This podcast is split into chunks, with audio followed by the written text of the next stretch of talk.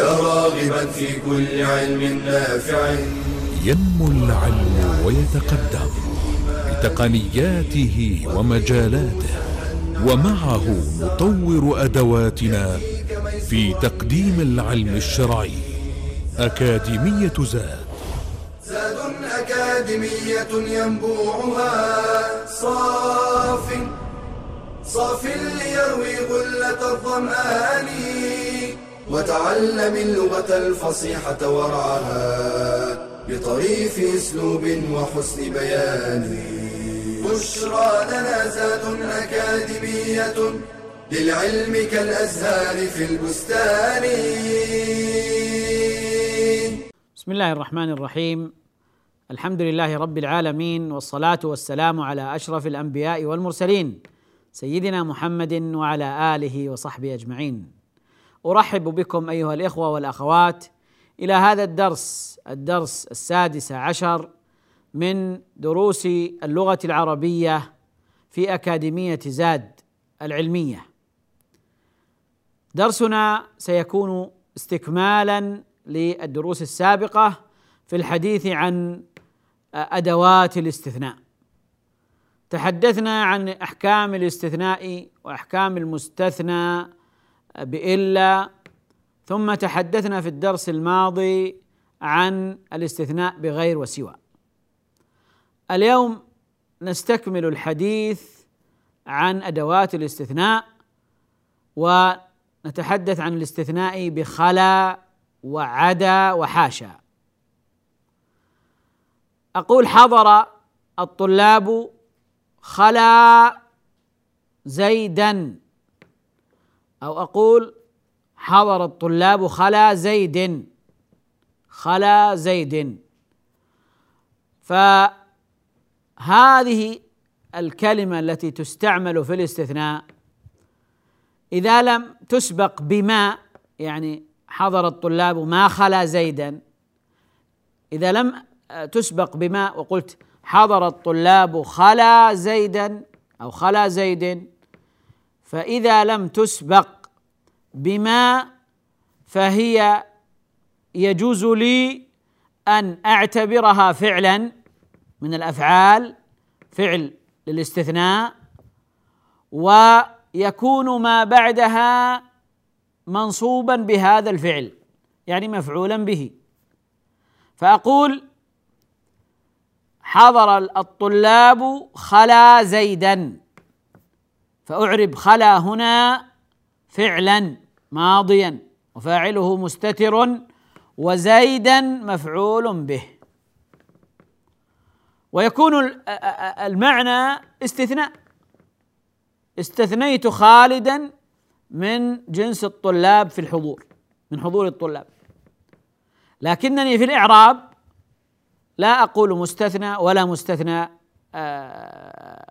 منه وإنما أقول حضر الطلاب فعل وفاعل وخلا فعل للاستثناء وفاعله مستتر وزيدا أو خالدا مفعول به لهذا الفعل. ويجوز لي أن أعتبره حرفا حرفا من حروف الاستثناء فيكون حرف جر ويكون ما بعده اسما مجرورا.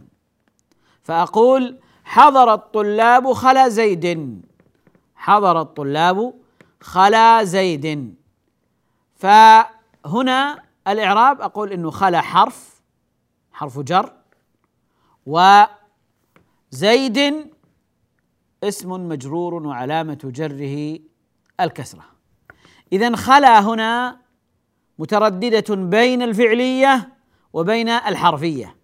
يعني يجوز لي أن أعتبرها فعلا فيكون ما بعدها منصوبا ويجوز لي أن أعتبرها حرفا فيكون ما بعدها مجرورا فيكون ما بعدها مجرورا. وهذا الحكم ينطبق أيضا على عدا. حضر الطلاب عدا زيدا. حضر الطلاب عدا زيدا فهنا عدا فعل للاستثناء وفاعله مستتر وزيدا مفعول به. ويجوز لي أن أقول حضر الطلاب عدا زيد فيكون عدا حرف وما بعده مجرور بهذا الحرف مجرور بهذا الحرف. وكذلك حاشا أقول حضر الطلاب حاشا زيد. أو حاشا خالد خالدا فيكون حاشا آه، فعلا. و يعني فعلا من الأفعال التي تعمل وترفع وتنصب. ويكون الفاعل آه، ويكون الفاعل مستترا وخالدا مفعول به منصوب.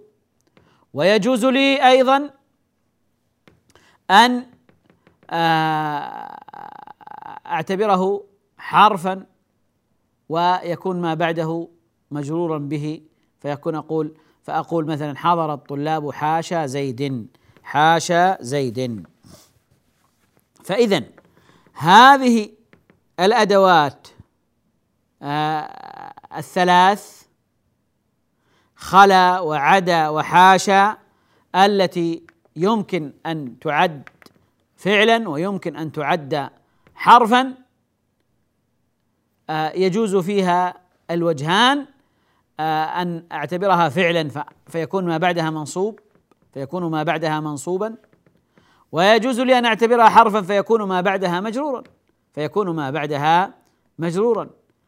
اذا الاعتبار له تأثير هنا. فإذا اعتبرتها فعلا جاز لي أن يكون ما بعدها مفعولا به منصوب. وإذا اعتبرتها حرفا يكون ما بعدها مجرورا. طيب وعليه فالمتحدث المتكلم يرفع ينصب أو يخفض. له أن ينصب وله أن يخفض. نقول يجوز له أن ينصب فيقول مثلا آه، حضر الطلاب خلا خالدا أو خلا زيدا وحضر الطلاب خلا زيد.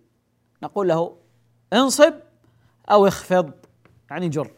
هذا الأمر متاح لك لأن آه، آه، الوجهان لأن الوجهين جائزان لأن الوجهين جائزان باعتبار أن أنه في حال النصب يكون هذا هذه الأداة اداه الاستثناء فعل من الأفعال وفي حال الجر يكون هذا هذه الأداة تكون في يعني حرفا من الحروف التي تجر ما بعدها. فيكون حرف جر وما بعده اسم مجرور. كذلك أيضا من الأمثلة حينما ننظر إلى أمثلة الكتاب فاز العاملون خلا المهمل. وأقول أيضا فاز العاملون خلا المهمل خلا المهمل. فيجوز لي أن أنصب ويجوز لي أن أجر. وحينما أعرب أقول في الناصب مفعول به منصوب لأن ما قبله فعل لأن أداة الاستثناء هنا فعل لأن أداة الاستثناء هنا فعل من الأفعال. أما إذا قلت فاز العاملون خلا المهمل فيكون خلا حرف جر والمهمل اسم مجرور وعلامة جره الكسرة وعلامة جره الكسرة. وكذلك حينما أقول قادم المدرسون عدا مدرسا. عدا مدرسا. هل يجوز أن أقول عدا مدرس؟ الجواب نعم يجوز أن أقول عدا مدرس. فإذا قلت عدا مدرسا يكون عدا فعل والفاعل مستتر ومدرسا مفعول به. وإذا قلت عدا مدرس فيكون عدا هنا حرف جر ويكون ما بعده اسم ويكون ما بعده اسما مجرورا ويكون ما بعده اسما مجرورا. اذا خلاصة الكلام أن خلا وعدا وحاشا التي يعني لم تسبق بما هذه يجوز أن نجعلها فعلا فيكون ما بعدها منصوبا ويجوز أن نجعلها حرفا فيكون ما بعدها مجرورا آه اسم اسما مجرورا بالحرف. آه فاصل أيها الإخوة ثم نواصل الحديث عن هذه عن هذه الأدوات. بشرى لنا زاد أكاديمية للعلم كالأزهار في البستان.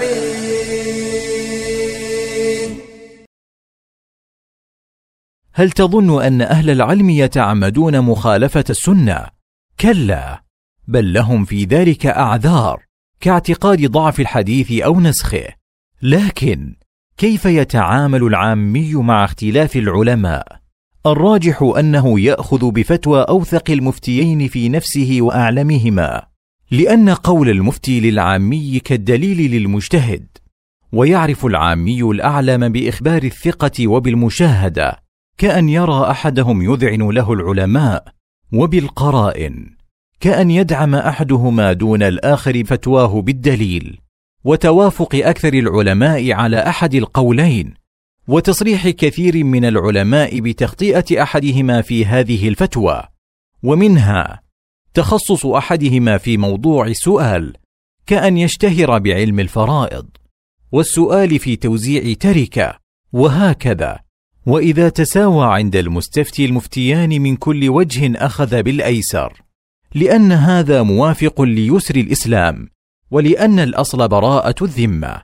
ولا يجوز للسائل أن ينتقي من الأقوال بهواه ولا أن يتتبع رخص العلماء. قال سليمان التيمي لو أخذت برخصة كل عالم اجتمع فيك الشر كله.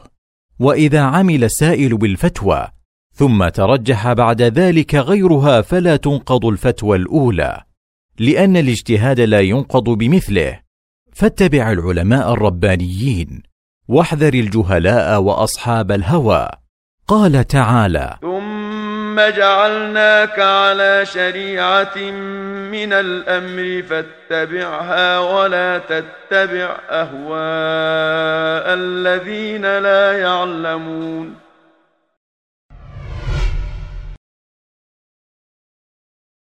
بشرى لنا زاد أكاديمية للعلم كالأزهار في البستان.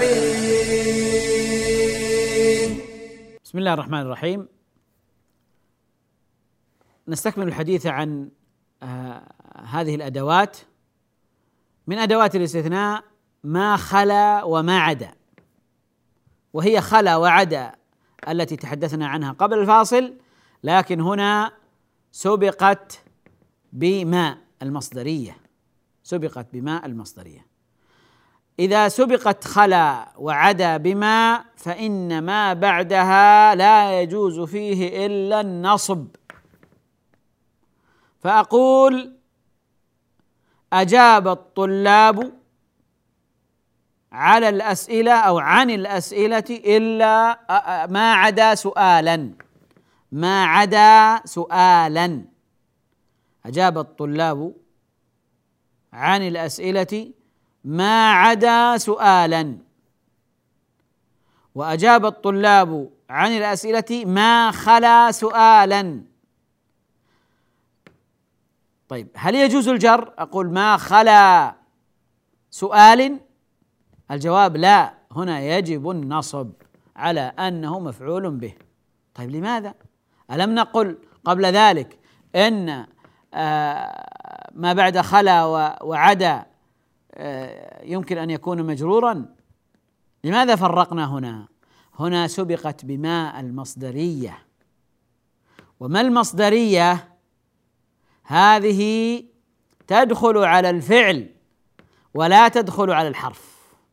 فحينما جاءت ما قلنا ما خلا سؤالا أو ما عدا سؤالا جعلت هذه ما هذه؟ لما دخلت على عدا جعلت عدا خالصة في الفعلية. لأننا لا يجوز أن نعتبرها حرفا. لا يجوز أن نعتبرها حرفا.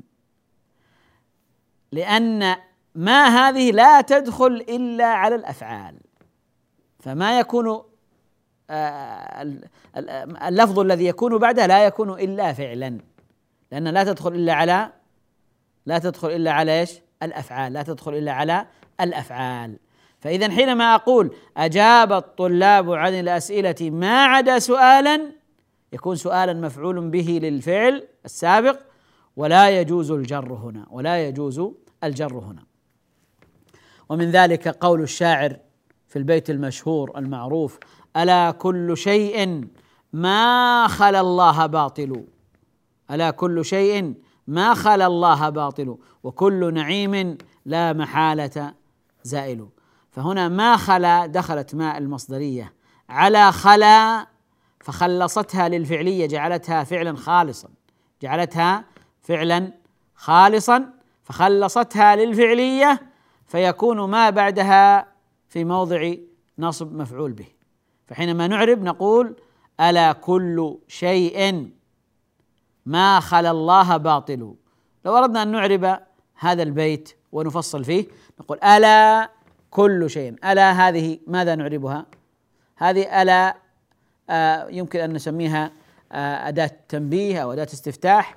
ألا كل شيء. كل آه مبتدأ مرفوع وعلامة رفعه الضمة وهو مضاف.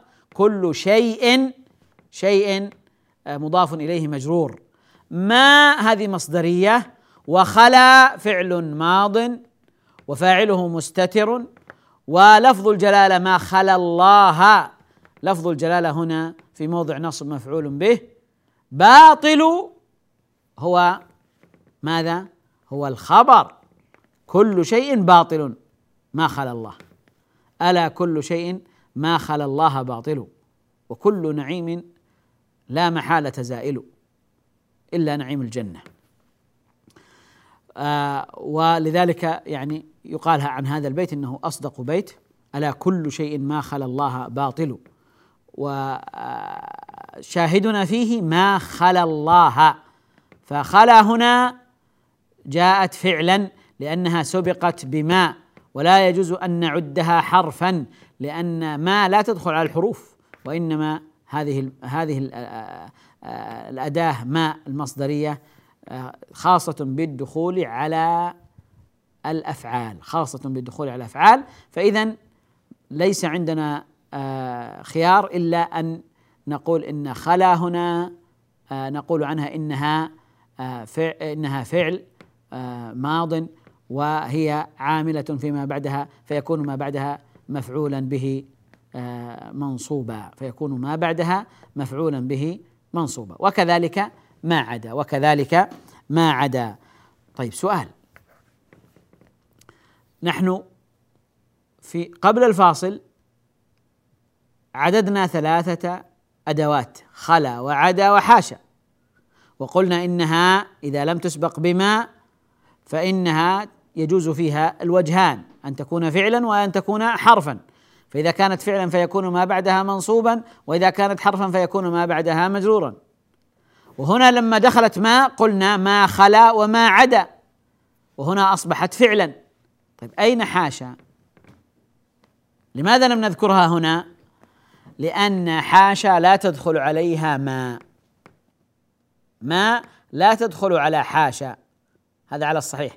يعني ما نقول آه، أجاب الطلاب عن الأسئلة ما حاشا ما حاشا سؤالا ما حاشا سؤالا لأن ما هذه لا تدخل على آه، حاشا لا تدخل على حاشا إنما تدخل على خلا وعلى عدا على خلا وعلى آه، عدا. طيب. حينما أقول كل مجتهد نال جائزته خلا عليا أو أقول خلا عليا. هل أقول خلا عليا أو أقول خلا عليا؟ أسألكم السؤال لكم حاولوا أن تجيبوا. الجواب ظاهر أليس كذلك؟ بلى أن في هذا في هذا المثال أقول كل مجتهد نال جائزته خلا عليا وخلا علي وخلا علي طيب لماذا يجوز الوجهان؟ لماذا يجوز النصب والجر؟ الجواب ذكرناه سابقا وقلنا إن آه، خلا هنا خلا هنا يجوز أن نعتبرها فعلا فيكون ما بعدها مفعولا به. ويجوز أن نعتبرها ويجوز أن نعتبرها حرف جر فيكون ما بعدها مجرورا. طيب حينما أقول مثلا جاء الطلاب ما عدا زيدا أو ما عدا زيد أيهما الصواب؟ أيهما الصواب هنا؟ هل الصواب أن أقول جاء الطلاب ما عدا زيدا أو جاء الطلاب ما عدا زيد؟ لو قال قائل جاء الطلاب ما عدا زيد نقول له قف. أنت قد لحنت وأخطأت. لماذا؟ لأنك اعتبرت آه، عدا هنا حرف جر وهي لا يصح أن تكون حرف جر. لا تجر هنا. لماذا؟ لأنها سبقت بما المصدرية. سبقت بما المصدرية. وإذا سبقت بماء المصدرية فإنها تخلصها للفعلية تخلصها للفعلية. اذا أيها الإخوة والأخوات هذه الأدوات خلا وعدا إذا لم تسبق بما فان ما بعدهما يجوز أن يكون منصوبا ويجوز أن يكون مجرورا. باعتبار منصوب باعتبار أنه فعل ومجرور باعتبار أنه حرف جر. أما إذا سبق سبقت هاتان الأداتان خلا وعدا بما فإن ما بعدها لا يكون إلا منصوبا لأن الفعل ما بعد ما هنا لا يكون إلا فعلا لا يكون إلا فعلا. فاصل أيها الإخوة ثم نواصل الحديث. بشرى لنا زاد أكاديمية للعلم كالأزهار في البستان.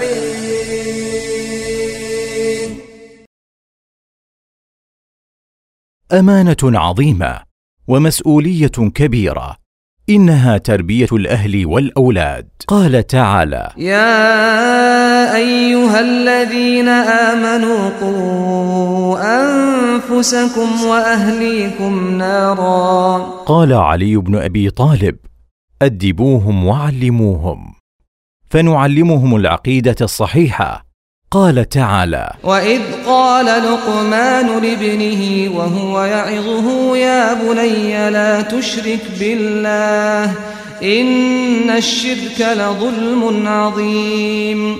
وقال صلى الله عليه وسلم لابن عباس يا غلام إني أعلمك كلمات احفظ الله يحفظك. ونعلمهم حب النبي صلى الله عليه وسلم وحب أصحابه. فقد كان السلف يعلمون أولادهم حب أبي بكر وعمر كما يعلمون السورة من القرآن. ونعلمهم الصلاة. قال صلى الله عليه وسلم مروا أولادكم بالصلاة وهم أبناء سبع سنين واضربوهم عليها وهم أبناء عشر ونعلمهم مكارم الأخلاق ومحاسن الآداب. قال صلى الله عليه وسلم لعمر بن أبي سلمة يا غلام سم الله وكل بيمينك وكل مما يليك. ونعلمهم شيئا من القرآن بأنفسنا أو نلحقهم بحلقات التحفيظ.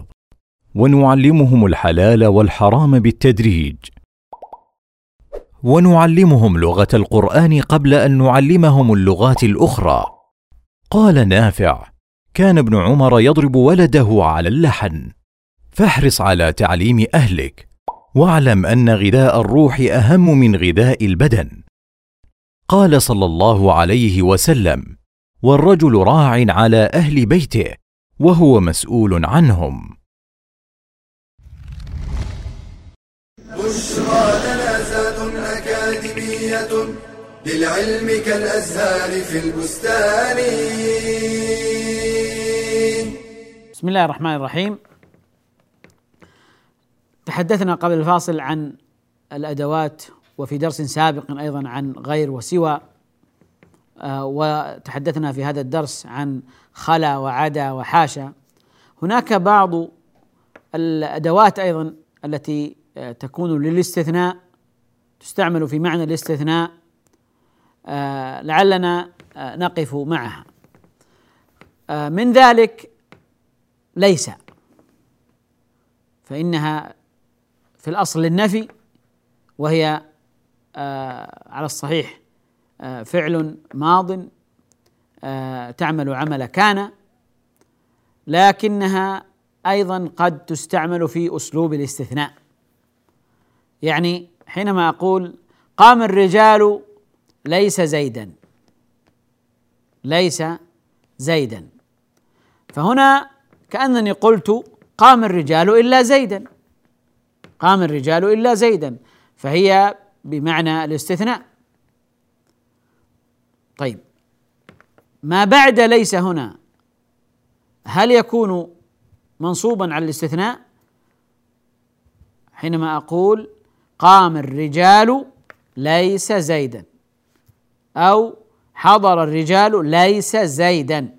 ليس هنا هي في الحقيقة تعمل عملها السابق المعهود لكن المعنى هنا فيه الاستثناء. المعنى فيه الاستثناء لأنها هي بمعنى إلا. هنا بمعنى إلا. قام الرجال آه، قام الرجال ليس زيدا. طيب ما إعراب زيدا؟ الجواب أن إعراب زيدا هنا خبر ليس منصوب. زيدا هنا خبر ليس منصوب لأن ليس تعمل عمل كان تعمل عمل كان. فيكون ما بعدها منصوبا بها منصوبا بها على أنه خبرها على أنه خبرها. فالأسلوب استثناء لكننا في الإعراب نعربها كما كنا نعربها قبل هذا الأسلوب. ليس زيد قائما. ليس زيد قائما. هنا كأنني أقول قام الرجال ليس القائم زيدا. ليس القائم زيدا. فيكون اسم ليس محذوف وزيدا آه، هو خبرها وزيدا هو خبرها. وكذلك حينما أقول آه، يعني أو حينما نتحدث عن آه، الحديث الذي يذكر يروى عن النبي صلى الله عليه وسلم ما أنهر الدم وذكر اسم الله عليه فكلوا ليس السن والظفر ليس السن.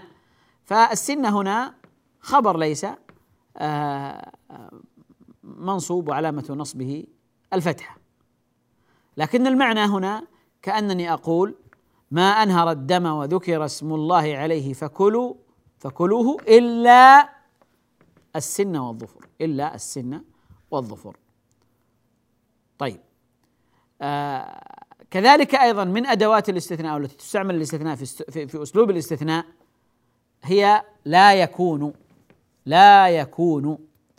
يعني حينما أقول أيضا في المثال نفسه قام الرجال لا يكون زيدا لا يكون زيدا. يعني لا يكون زيدا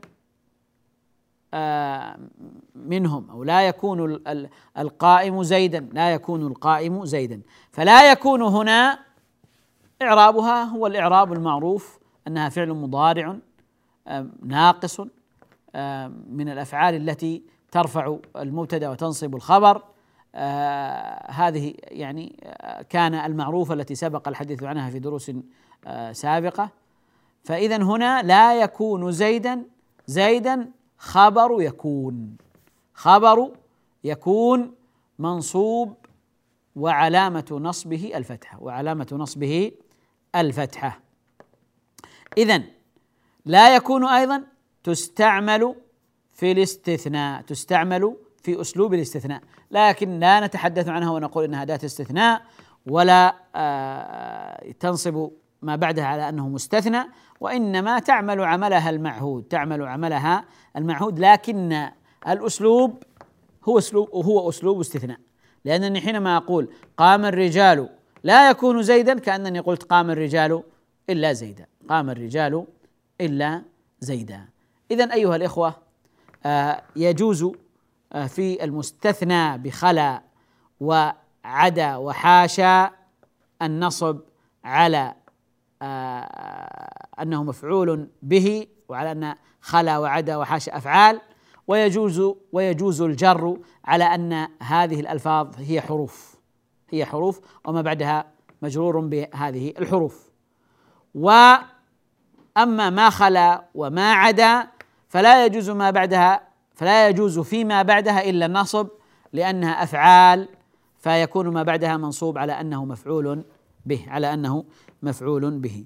أما ليس ولا يكون فهذه أيضا تستعمل في الاستثناء في أسلوب الاستثناء في الدلالة على الاستثناء لكن إعرابها يبقى كما كانت من قبل كما عهدناها ليس فعل ماض ناسخ واسمها مستتر وزيدا خبر ليس خبر ليس ليس. وكذلك أيضا لا يكون زيدا آه، آه، من هذا الباب أيضا يكون فعل مضارع والاسم يكون مستتر وزيدا آه، خبر يكون منصوب وعلامة نصبه الفتحة.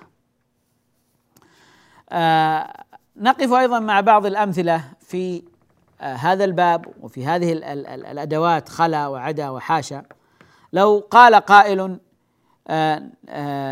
نجح الطلاب كلهم حاشا المهملون. حاشا المهملون. ما صحة هذه العبارة؟ هل هذه العبارة صحيحة؟